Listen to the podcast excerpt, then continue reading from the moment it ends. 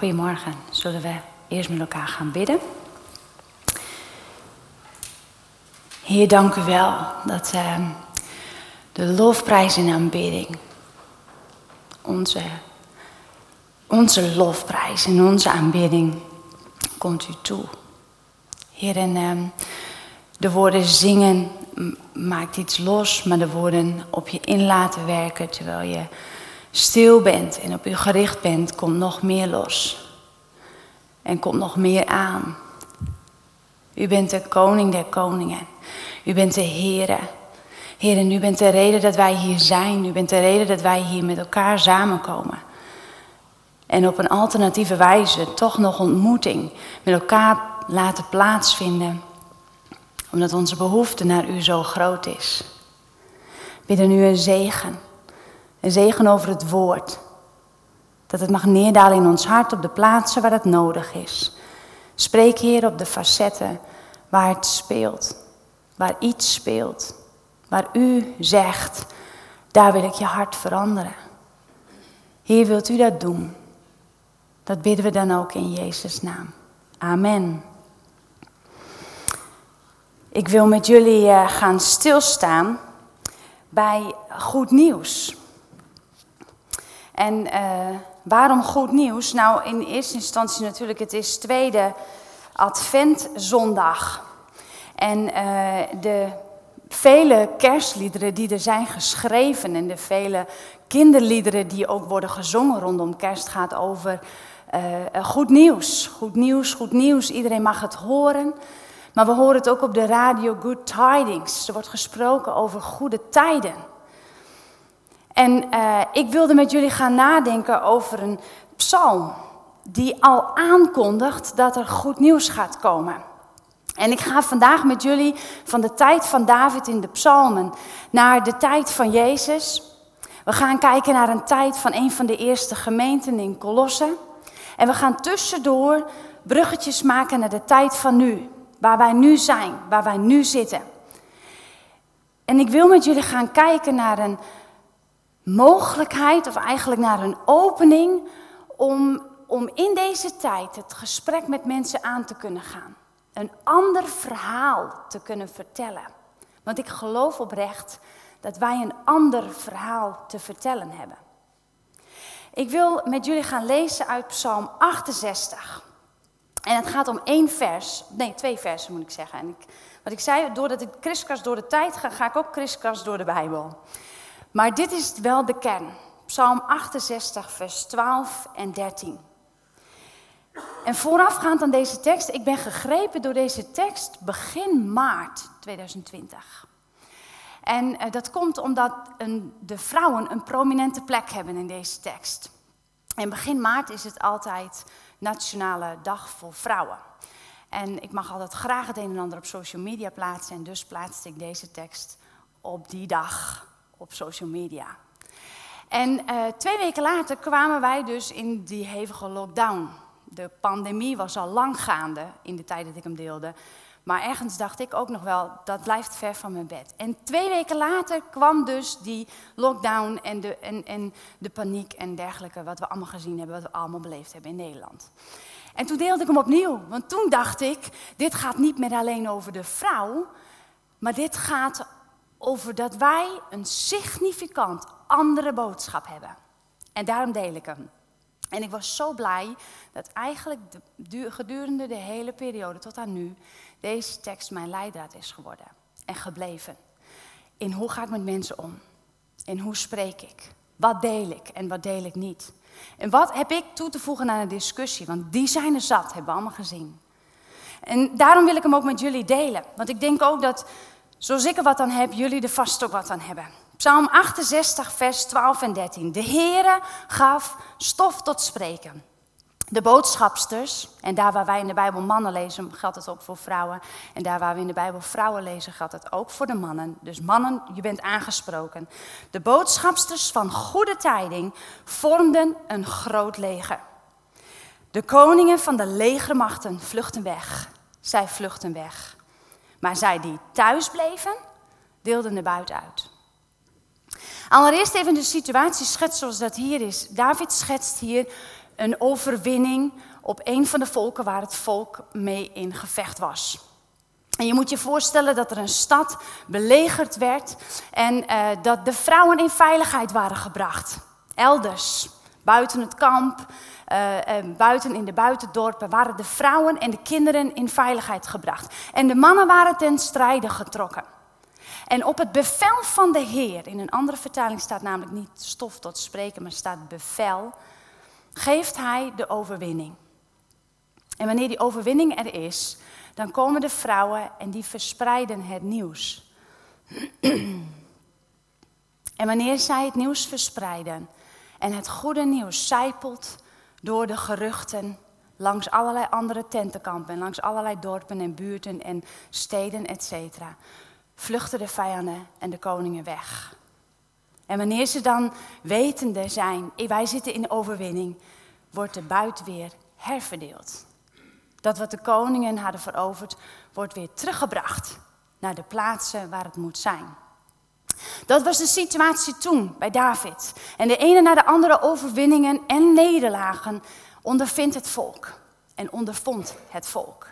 Dus hier waren ze bekend mee. Het fenomeen, de mannen zijn ten strijde, de vrouwen zorgen thuis voor de, vrouwen, voor de andere kinderen en, voor uh, het vee, et cetera. En wanneer er overwinning is, dan roepen we dat in de wijde omgeving. En ze waren uiteraard natuurlijk ook gewend dat ze af en toe een nederlaag moesten vertellen. En ik kan me zo voorstellen, ik weet niet hoe dat jullie vergaat, maar ik kan me zo voorstellen dat dat wat meer smoesend ging, toch? Ja, we hebben verloren. We willen de kinderen het niet laten horen, maar we hebben verloren. Maar wanneer er goede tijding is, wanneer er goed nieuws is, dan mag iedereen dat horen. En dan schreeuw je dat dan, in ons geval van de daken. Ik vind het een metafoor van hoe de situatie daarna steeds keer op keer in de Bijbel plaatsvindt. De psalmen barsten van de beloftes van God. De psalmen wijzen continu naar Jezus. En deze twee versen uit dit grote boek wijzen wederom naar Jezus. Allereerst al in het eerste gedeelte. De Heere geeft een bevel. Daar begint het altijd mee. Elk verhaal, elke situatie, elke pandemie, elke oorlog die er gevoerd wordt, elk natuurgeweld. Waar, het, waar je ook zit, welke situatie. Het start altijd met de Heer. De Heer geeft, zo staat het hier, stof tot spreken. De Heer geeft een aanleiding om te spreken. De Heer geeft een bevel om tot actie te komen. De Heere gaf stof tot spreken. En in andere vertalingen, zoals ik net al zei, werd het vertaald met de Heere geeft een bevel, redding is nabij. En in de grondtekst wordt daar dan ook nog bijgevoegd, uh, de redding is snel nabij. Ik beloof jullie een vlotte redding. Oftewel, ik beloof jullie een boodschap van goed nieuws. De Heer geeft stof tot spreken. Jongens, ik heb een boodschap van nieuws. Goed nieuws. Het tij gaat keren. En de Heer heeft ons ook stof tot spreken gegeven. Er is veel stof tot spreken. En als je de kranten opent en als je de uh, tv aanzet en als je social media opent en als je een kantine binnenstapt van welk willekeurig bedrijf, of dat nou een bouwbedrijf is met een bouwketen met bouwlieden, of het is het kantoor, de kantine van de plaatselijke Rabobank of andere hoog bedrijf. Waar je ook een ruimte binnenloopt waar mensen samenkomen. De Heer heeft stof tot spreken gegeven. We hebben het over bijna niets anders meer. En hij zegt, ik heb goed nieuws. Mijn boodschappers hebben goed nieuws te verkondigen. En die zijn er niet met één, twee of drie, of een handjevol van twintig, of een handjevol van dertig. Maar de boodschappers vormen een groot leger. Niet een paar, niet hen die wel goed kunnen spreken, niet een aantal mensen die vooraanstaand leven, niet oudsten, of diakenen in een gemeente, vooraanstaande leiders. Een groot leger betekent iedereen. We doen allemaal mee in het verkondigen van dat goede nieuws. En wat is het goede nieuws? Nou, we kunnen weer door de Bijbel gaan, het begin van de aankondiging van Jezus.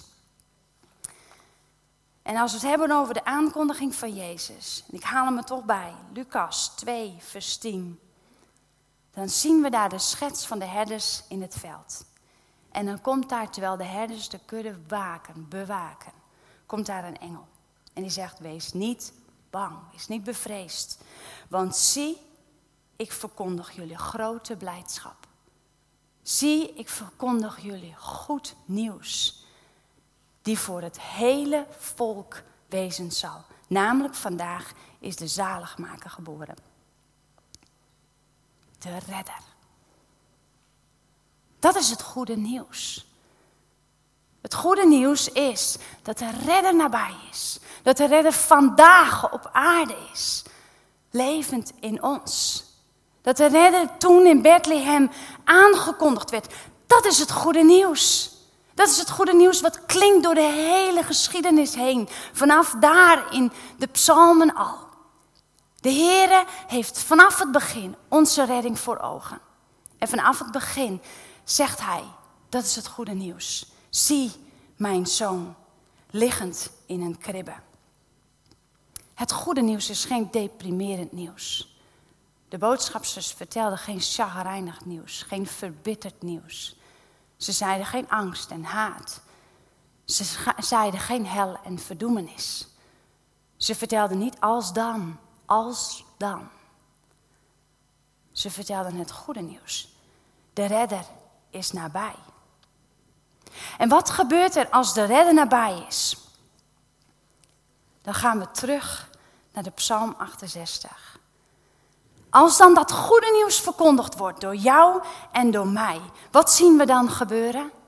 Wat vindt er dan plaats? Vanaf het moment dat we dat uitspreken, dat uitroepen, het goede nieuws verkondigen, dan vluchten de vijanden en de koningen. Dat zien we in Psalm 68. De koningen van de legermachten vluchten weg. Zij vluchten weg. Er is geen plek voor vijanden. Er is geen plek voor heersers, voor koningen die overheersen wanneer wij het goede nieuws verkondigen. Op grond van het goede nieuws vluchten de koningen weg. Op bevel van Jezus zijn wij niet meer onderworpen aan andere machthebbers en aan andere koningen en aan andere heersers. Aan vijanden die ons willen onderdrukken of willen vernederen. We zien dit in Colossensen 2, vers 15, de eerste gemeente van Paulus. En dan brengt Paulus daar een bemoedigingsreis. Of hij schrijft die bemoedigingsbrief, maar hij schrijft ook een waarschuwing in die brief. Want hij ziet wat er gebeurt als het volk wel kijkt naar slecht nieuws. Als het volk wel opkijkt naar heersers en machten. En wanneer er tegenstand is en wanneer er strijd is. Want wat zien we dan gebeuren in Colossense 2, vers 15? Dat op het moment wanneer Jezus als redder in de wereld komt. En wij dat goede nieuws erkennen, wij dat goede nieuws verkondigen. Dan zien we vervolgens dat machten en heersers weggaan. Want hij heeft Jezus, toen hij aan het kruis ging en opstond uit de dood. Hij heeft overheden en machten ontwapend en die openlijk te schande gemaakt en daardoor over hen getriomfeerd. Jezus is de redder die vijanden doet verslaan, die vijanden wegjaagt die angst en haat en verbitterdheid en verdeeldheid en al die vijanden die maken dat wij niet meer gericht zijn op Hem, doet Hij weg. Heeft Hij overwonnen. Hij heeft gezegevierd over hen. Maar het is ook een kleine waarschuwing richting de gemeente van Colossense. Want nadat hij deze tekst schetst, geeft Paulus weer, jullie dwalen. Je gaat met iedere, alle winden mee. Je snabbelt van andere religies. Je kijkt naar wat er op aarde gebeurt. En je maakt je zorgen daarover. En dan zegt hij dan, als jij dan nu, bijna met een vingertje, Paulus zie ik vaak voor me met een vingertje. Als jij, als u, dan nu opgewekt bent, zoek dan de dingen die boven zijn. Waar Christus is, die aan de rechterhand van God is. En bedenk de dingen die boven zijn en niet op aarde. Dat is ons goede nieuws. Dat is waar wij voor gemaakt zijn, hier op aarde, apart gezet. Als zijn volk, als zijn koningen, priesters en priesteressen. Want hij verlangt ernaar dat wij gaan leven zoals de boodschapsters in Psalm 68. Vertel niet het aardse nieuws. Ga niet mee met aardse winden en vijanden. Vertel niet enkel en alleen maar de zaken die, die van de aarde zijn, maar richt je op dat wat boven is. Richt je op dat wat van Jezus is. Richt je op het goede nieuws en vertel dat. En ik weet niet hoe het met jullie is, maar ik val wel in die valkuil van de Colossense. Ik herken mezelf in die verhalen. Dat verhaal wat geschetst wordt bij de Colossense. Dat ik ook zoek en soms daarin ook dwaal. En denk je, maar dat kan toch wel? Jo, maar zou het niet zus en zo zitten? En wij christenen zijn met onze ogen gericht op de hemel, daardoor ook gevoelig voor complottheorieën. Voor verhalen als maar overheid gehoorzamen, hoe, wat en wanneer. Mondkapjes, moeten we daar dan iets mee? En dan gaan we dwalen en dan gaan we zoeken en dan willen we mening hebben. En dat past ook bij onze cultuur. Dus we zitten enerzijds te worstelen met het aardse, de aardse culturen en tradities, ons mens zijn, wie we zijn hier. En tegelijkertijd hemelse. En die, die discrepantie zou je bijna kunnen zeggen, maakt het soms heel ingewikkeld. En vandaar dat Paulus zegt, richt je alleen op dat wat boven is. Want dat aardse kunnen wij niet besturen. Dat aardse zullen wij ook niet begrijpen. En het tweede wat er gebeurt als Jezus vervolgens aankondigt en komt en de vijanden heeft verslagen. Dat is de eerste belofte Psalm 68, vers 12 en 13, die al in vervulling is gekomen. En de tweede moet nog plaatsvinden. Dat is namelijk, zij verdeelden de buit. Op het moment wanneer er herstel komt, dan wordt de buit weer verdeeld. En dan krijgen we weer allemaal waar we recht op hebben. Of dan verdeelt God weer waar Hij vindt dat wij recht op hebben. Zij die thuis bleven, verdeelden de buit. En in handelingen lezen we daarvan, begin van de gemeente. Lezen we hoe dat in zijn werk ging. Handelingen, als je meeleest, 3, vers 20. Ik zei net al, ik ga een beetje kriskras door de Bijbel. En daardoor zijn het allerlei teksten die erbij komen, dat begrijp ik. Als je meeschrijft, dan kun je ze later thuis eventueel ook nog opzoeken. Dit is Handelingen 3, vers 20. Gelinkt aan het tweede gedeelte van Psalm 68, vers 13.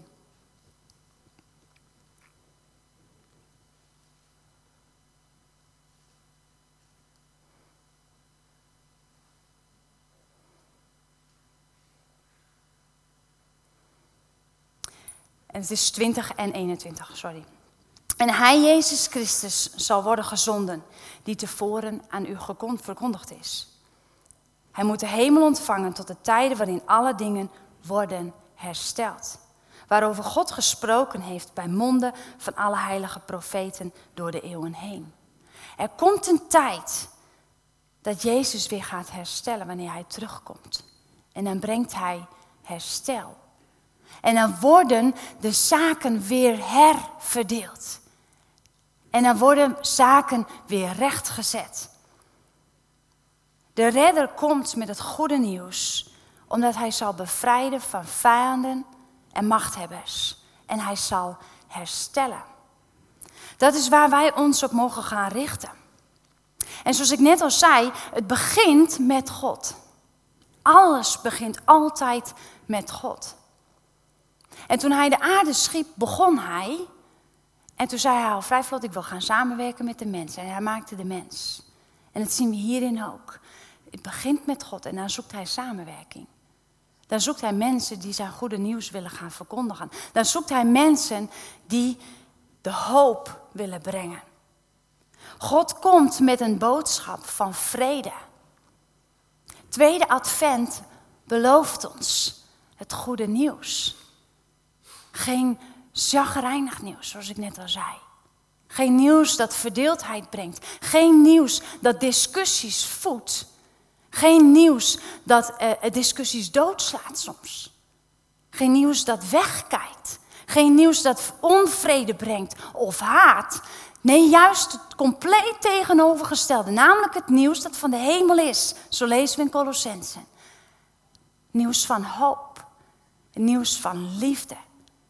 Nieuws van terugkeer van al die kinderen die verloren zijn en al die mensen die verloren zijn. Nieuws van ik breng een redder. Nieuws van joh, weet je, je kunt bedenken hoe er in de wereld aan toe gaat. Maar hoe het ook zij, ik breng stof tot spreken. Ik geef een bevel. Geen angst en verdeeldheid voor christenen onderling, maar samenwerking, liefde, het met elkaar doen, het oké vinden dat de ander er anders over denkt. En samen kijken, maar wat verbindt ons? Is er liefde in ons beiden te vinden waarin we ons kunnen verbinden? Deze tekst biedt mij in ieder geval de hoop en de verwachting dat ik het wat anders te vertellen heb, wat anders bij te dragen heb. Te dragen heb. Het belooft de komst van Jezus. En het belooft vervolgens de redding die Hij geeft, de verlossing die Hij geeft. En het biedt mij hoop, want er gaat een tijd komen dat er herstel is. Er gaat een tijd komen dat er genezing plaatsvindt. Dat de aarde weer hersteld wordt. Dat wij mensen weer hersteld worden. En ik bevind mij in precies die daartussen. Wij bevinden ons precies daartussen. Bevrijding van vijanden hebben we al ondervonden in het kennen van Jezus. En er komt een dag, en ik denk dat dat de kern is van ons hoopvolle nieuws, dat Hij de aarde zal herstellen. Dat Hij ons, jou en mij zal herstellen. En het betekent dus dat wij vragen hebben over de situatie hier op aarde. Dat zal niet weggenomen worden. Maar we mogen ons richten op de hemel. We mogen ons richten op dat wat boven ons is. Want wij zijn niet langer meer van de aarde. Ik hoop en bid dat je dit, dat je dit mee kan nemen. Dat, dat dit je helpt. Dat dit je richting geeft. Maar ook dat we hierin kenmerkend zijn. Dat is mijn droom voor de gemeente van Christus. Dat mensen ons zullen zien. Maar die brengt boodschap van hoop. Oh, kijk, haar heb. Zij vertelt positief nieuws, goed nieuws. Niet, we vegen het allemaal onder de mat. Nee, zij richt op de dingen die boven zijn. Zij heeft God voor ogen. Dat zal toch gaaf zijn als we daaraan herkenbaar zijn?